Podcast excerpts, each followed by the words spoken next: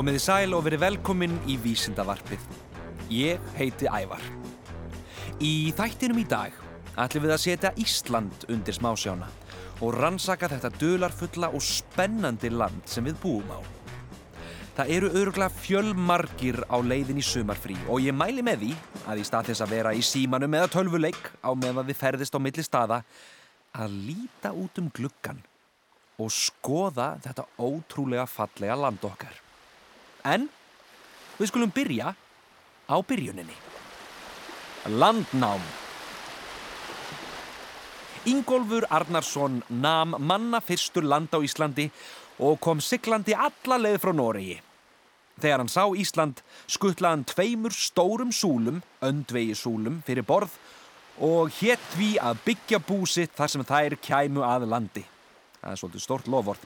Það tók nokkuð tíma að finna súlutnar og maður veldir því fyrir sér hvort Ingólfur hefði flutt eitthvað annað ef þar hefði ekki komið í leitinnar. Kanski til Grænlands? Loksins fundu þrælar Ingólf súlutnar í fjörni við það sem við köllum í dag Reykjavík. Ástæðan fyrir nafngiftinni er svo að Ingólfur og lið hans sá reik stíga úr jörðinni í Reykjavík sem líklega var jarðhitti. Stöldrum aðeins við. Hvað myndir þú kalla Reykjavík ef þú mætti ráða? Það fylgir því nefnilega mikil ábyrð að velja gott nafn þegar þú ert að fara að nefna nýjan stað. Þú þart að líta í kringum þig, skoða hvað einkennir staðin og svo velja gott og gilt nafn sem allir geta verið ánæðir með. Prumpustadir er til dæmis dæmi um nafn sem er ekkit sérstaklega gott. Nema auðvitað að stöðugur vindgangur einkennir staðin. En líta þessi kringum þig, þar sem þú ert, nákvæmlega núna. Jafnvel þó það sé bara herbyggið þitt. Ef þú ættir að nefna herbyggið þitt einhverju svakalega flottu nafni, byggðu á því sem þú sérði í kringum þig, hvað myndirðu kalla það? Hér eru nokkra hugmyndir. Um, uh, ótiltæktarstaðir, uh, Kójuvík, uh, Lego út um allt eiri, hugsaðum álið. Víkingarnir tóku smám saman yfir landið og byggu hér heil lengi og gerðu eiginlega fátt annað en að högva niður öll trén og drepa svo kvotn annan. En, en hér voru ekki bara vikingar, hér voru líka sjóraningjar.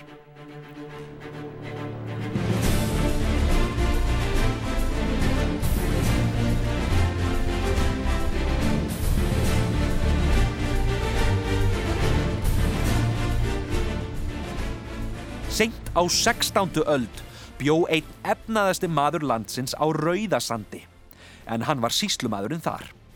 Síslumadurinn hafði hendur í hári fálkaþjófs sem slapp þó frá honum og er talið að sá þjófur hafi vísað sjóraningjum á síslumannin í hendarskinni. Eitt daginn um það vil ári síðar sildi skip inn fjörðin með um 70 manns innanborðs. Þeir vörpuðu akkerum og gengu yfir á Rauðasand þar sem þeir rændu síslumanninum, sett hann berrasaðan upp á hest, riðu með hann um héruð í tvær vikur og let hann borga allt fyrir sig.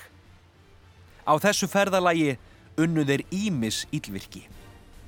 Það var ekki fyrir en þeir voru komnir norður í Skutulsfjörð sem þeir letu síslumannin lausan. Á forn íslensku þá merkir orðið vikingur sjóræningi. Bæði orðin þýða maður sem stundar sjóhernað.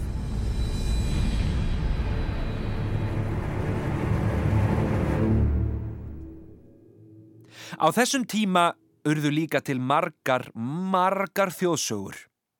Íslendingar eru mikið sagnafólk og voru margar af þessum sögum notar til að útskýra hinn ímsu náttúrufyrirbæri sem þóttu kannski dálítið furðuleg. Ein af þessum sögum er saga sem heitir Tröllin á vestfjörðum. Þetta er þjóðsaga af þremur tröllum sem ætluðu sér að móka sund á milli vestfjörða og afgangsins af landinu, þar sem stist þarf að grafa, sem er á milli gilsfjörðar og kollafjörðar. Þannig myndu vestfjörðinni standa einir og sér alveg svo eiga. En það var ekki allt. Tröllin höfðu nefnilega hugsað sér að nota jarðvegin sem þau mókuðu upp sem eigjar. Eigjarnar í breyðafyrðinu. Það eru margir sem segja að þær eigjar séu svo margar að þær séu óteljandi. Tröllin skiptu liði hömuðust sem mestu máttu, en verkið var þeim um megn. Þau grófu eins og þau gátu alla liður langa nóttina en þegar þau ætluð að leita skjóls þá var það um seinan. Þau breyttust í stein, stóra og hrikalega dranga. Og síðan þá hefur engin reynd að búa til fleiri eigjar í breyðafyrði, nýje móka landið sundur. Við vitum samt auðvitað í dag að eigjarnar í breyðafyrðinum eru ekki verk trölla. Og það leiðir okkur á nýjar slóðir, að jarðfræði undrinu Íslandi. Fyrir um þúsund árum heldu vikingarnir að eldgós yrðu vegna þess að goðin væru reyð við þá. Í dag vitum við betur. Það eru tvær ástæður fyrir því að hér á Íslandi eru reglulega eldgós. Svo fyrri er að landið okkar liggur á tveimur jarðflekum sem eru að reka hvor frá öðrum. Ameríkuflekanum og Evrasíuflekanum. Lefum mér að útskýra þetta aðeins betur. Ef þú myndir taka þykka og gómsæta rjómatertu, fyllan af mjúku súkulaði og, og reyna svo að tósana hægt og rólega í sundur, þá get ég lofa þér því að súkulaði mun flæða úr sárinu. Ímyndaðu þér að Ísland sé súkulaði fylta rjómatertan og, og súkulaðið sé glóandi heitt raun og þá skiluru hvert ég er að fara. Setni ástæðan fyrir miklum eldgósum hér á landi er svo að Ísland er á svokölluðum heitum reit sem þýðir ekki netsamband. Leið mér útskýra. Vísindamenn telja að heitir reitir myndist út frá möttulstrókum súlulega efnismössum sem ná djúft ofan í jörðina. Undir Íslandi er möttulstrókur sem er kallaður Íslandsstrókurinn. Það er honum að þakka að landið okkar stendur upp úr sjónum ólíkt öðrum hlutum Allandshafsreggjarins fyrir norðan og sunnan landið. Sum eldfjöll á Íslandi eru virk en önnur ekki. Hvers vegna ætli það sé? Eins og áður sagði er Ísland á stöðuri reyfingu vegna flekaskílana, nánar tiltekið um 1,95 cm á ári og þannig rofnar tengingin smám saman á milli eldfjallsins og kvikuhólsins ofan í jörðinni. Á laungum tíma kólnar eldfjallið svo niður. En það er ekki öll eldfjöll á Íslandi kólnuð.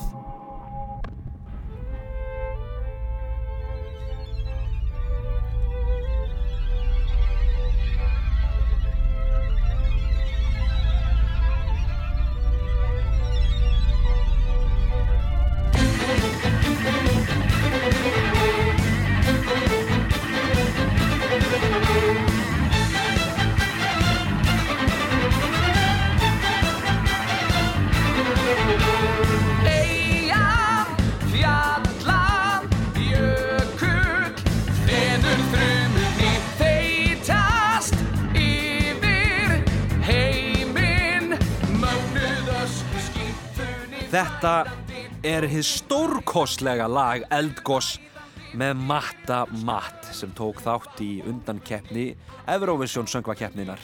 Stórkostlegt lag og ekki spilað ástæðu lausu því 20. mars 2010 þá hófst lítið flæðigós á norðanverðum Fimmvörðuhálsi.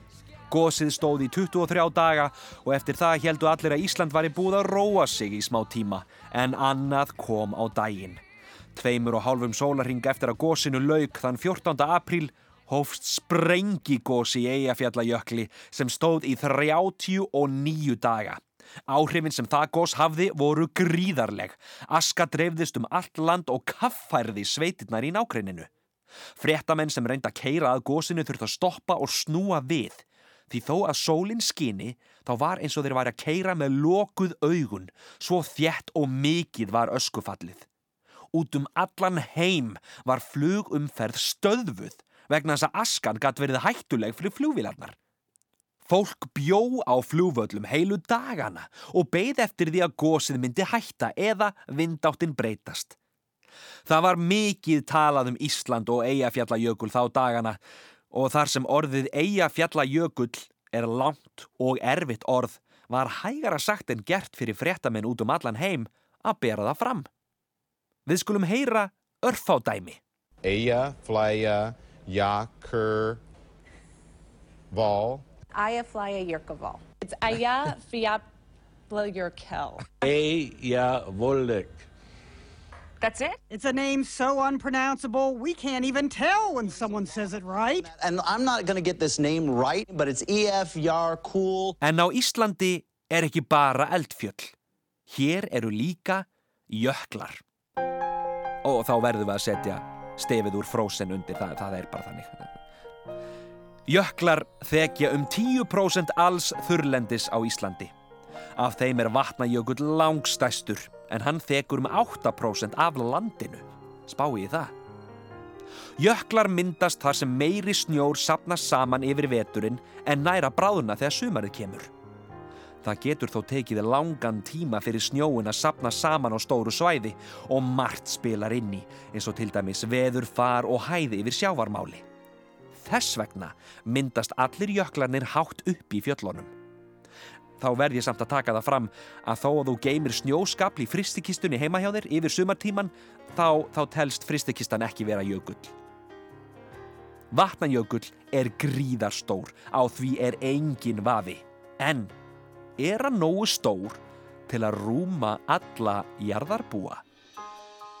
Vísindavefur Háskóla Íslands, vísindavefur.is, lagðist í mikla rannsóknarvinnu og raðaði öllum jarðarbúum í lengju fram og tilbaka um allan vatnajökul. Auðvitað ekki í alvörunni samt ba bara svona í reikningsdæmi. Öll börn og fullornir í heiminum, rétt rúmlega 7 miljardar manns, taka um 3027,5 ferkilometr. Vatnajökull er hins vegar 8100 ferkilometrar, sem þýðir það að við kæmumst öll fyrir á jöklinum og vel það. Það er spurning hvort við fjölmennum á jökulin í sumar og látum reyna á þetta áhugaverða reikningsdæmi. En það er annað algjörlega ótrúlegt við jökla. Þeir skrýða. Ég veit að þetta hljómar fáránlega og þú ert líklega að fann að sjá fyrir þér jökulin í bleiu, skrýðandum á gólfinu, alveg svo smábann. En staðrindin er svo að jöklar eru á stöðugri reyfingu. Sumir minka á meðan aðrir bæta við sig og stækka. Jöklar eru gríðarlega þungir og þegar þeir færa sig til og frá þá sverfa þeir umhverfið undir sér. Þannig verða til dalir og fyrðir þar sem jökull hefur átt leið hjá. Stundum tæmast lón sem eru undir jöklunum og þá verður til það sem er kallað jökulhlaup. Þá fyllast allar ári í nágreininu af vatni og flæða stundum yfir bakka sína. Önnur ástæði fyrir jökulhlaup er svo að það er farið að gjósa undir jöklinum. Slík jökulhlaup geta verið gríðar mikil og hættuleg og rýfa oft með sér björg og ísjaka sem þau skilja svo eftir og söndum hér og þar. Skeiðarárhlaupið, sem var árið 1996, var vegna goss undir vatnanjökli og það skólaði burt vegaköplum og skemmti brýr. Þegar náttúran fer á stað, þá er hún óstöðvandi. Og talandi um óstöðvandi. Þegar eldfjalliði Hekla gaus árið 1947 taldi fólk að hún myndi gjósa reglulega á um 100 ára fresti. Það kom því svo litið á óvart þegar hún leta aftur á sér kræla árið 1970. Og síðan þá hefur Hekla mynd á sig á um 10 ára fresti. Síðast árið 2000.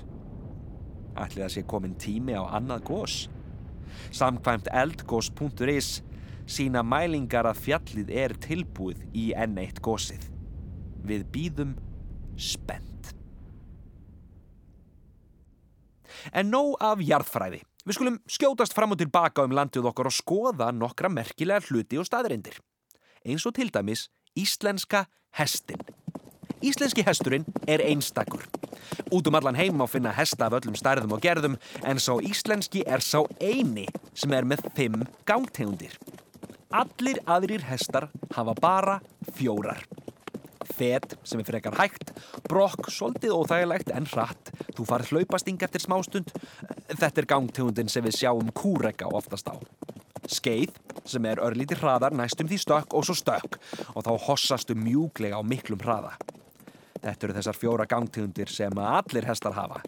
En svo er það íslenski hesturinn. Hann lumar á auka gangtegund. Töltinu sem er langþægilegast.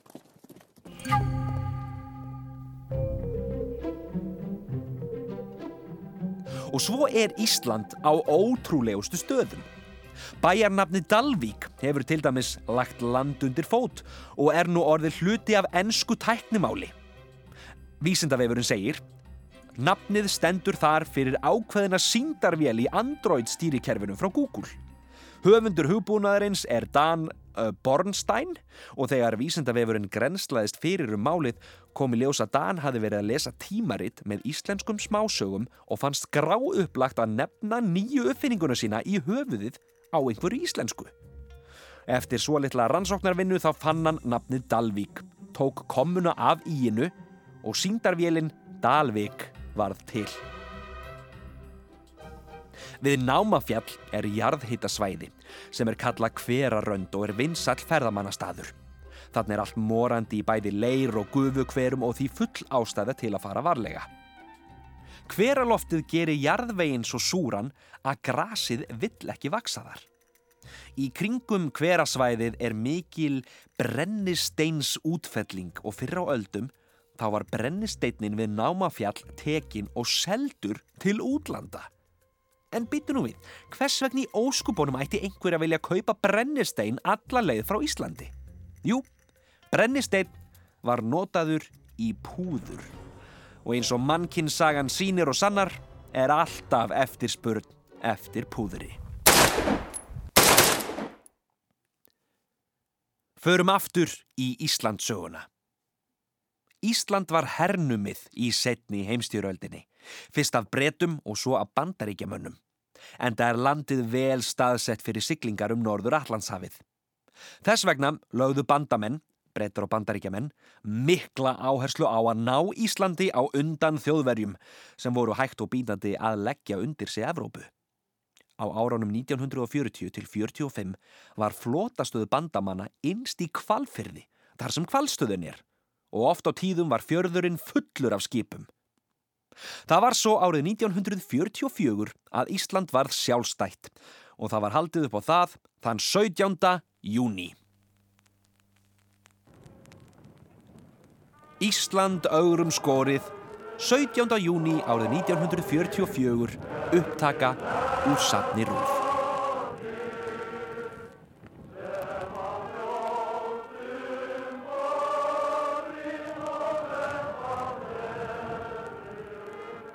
Og svona rétt í lokin, ef þú ert á ferðinu um landið okkar. Líta þess í kringum þig. Á Íslandi er fjöldin allur að sveitabæjum og oftar en ekki heita þér svolítið furðulegum nöfnum.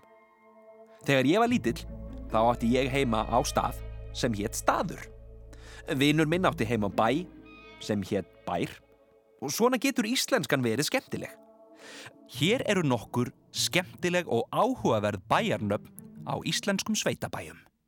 Auðkúla, Dratthalastafir, Dunkur, Hundastapi, Kastalabrekka, það er vígalegt, Kúskerpi, Mannskaðahóll, það verður örugglega eitthvað hræðilegt gæst þar, Meiri Hattardalur og Minni Hattardalur, Páfastaðir, Puntur og Komma, Saurbær, Sveðjustaðir, Stóri kroppur og litli kroppur, Stærri bær, Tannstaðabakki, Ytra og Siðra Kálfskinn og Þrýhyrningur. Þættinum er lokið. Ég vil þakka Vísindavef Háskóla Íslands, vísindavefur.is og um leið bend ykkur á heimasíðu þáttarins rúf.is skástrygg ævar. Þeir getur hlustað á vísindavarpið í sarpinum á heimasíðu rúf, rúf.is eða hlaðið í niður á hlaðvarpinu. Ef þið eru með podcast app í tölfunni eða símanum, þá skulum þið einfallega slá inn vísindavarp og þá ættu þið að finna mig.